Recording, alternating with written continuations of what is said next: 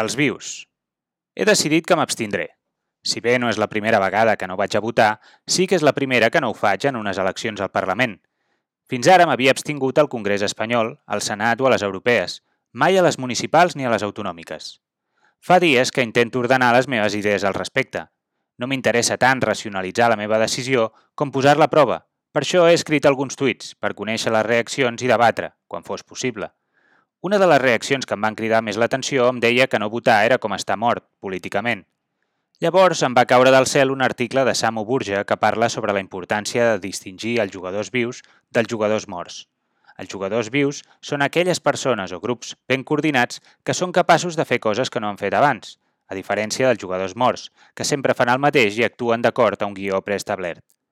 En la lògica de l'entorn actual que, degut a la immersió informativa a la qual ens veiem sotmesos, ens obliga a destriar unes quantes peces per elaborar patrons que encaixin amb la nostra manera de veure el món, l'article em va anar bé per reformar la meva decisió. No votar al Parlament és una cosa que no he fet mai abans. En l'esquema de Burja, això em convertiria en un jugador viu. Més enllà de l'autocomplaença, si apliquem el mateix marc a la política catalana, ens adonarem ràpidament que la majoria de jugadors estan morts. Al contrari de l'afirmació que fan Salvador Illa i altres propagandistes del règim, el procés, entès com la fase que va de 2009 a 2017 aproximadament, va demostrar que els partits independentistes estaven vius, perquè feien coses diferents i no actuaven segons el pla preestablert. La decadència, doncs, no és el resultat del procés, sinó que és un fenomen d'ara, perquè ningú té l'habilitat de fer coses noves.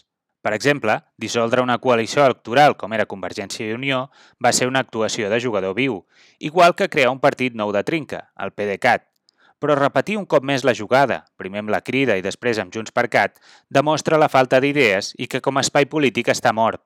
Una cosa que també diu Samo Burja és que un jugador mor quan substitueix una forta coordinació per una estructura rígida.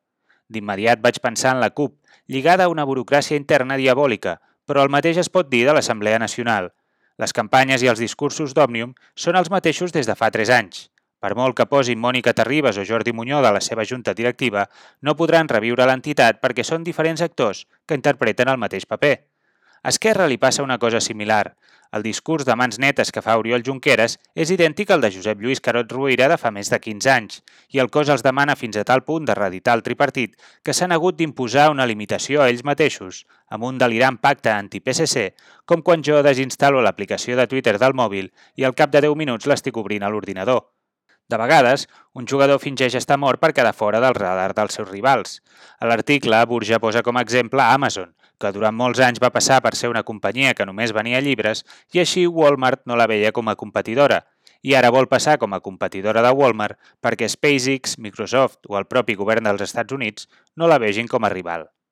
M'agradaria pensar que l'independentisme fingeix la seva mort, però els resultats de diumenge seran un símptoma d'estancament indubtable.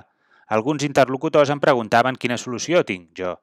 A la majoria de persones l'abstenció els sembla una heretgia, molts temen l'auge de Vox, i és normal, perquè ara mateix probablement sigui l'únic jugador viu, capaç de fer coses noves i adaptar-se a un entorn canviant. No penso fer proselitisme de l'abstenció, però estic disposat a assumir la responsabilitat que comporten els meus actes. Encara que sigui un concepte força simple, aprendre a distingir entre jugadors vius i morts és útil en termes estratègics. Sabem que Espanya és un jugador mort, però també sabem que en igualtat de condicions sempre la palmarem nosaltres. Si es tracta de recuperar la iniciativa, hem de buscar per tot arreu els signes de vitalitat.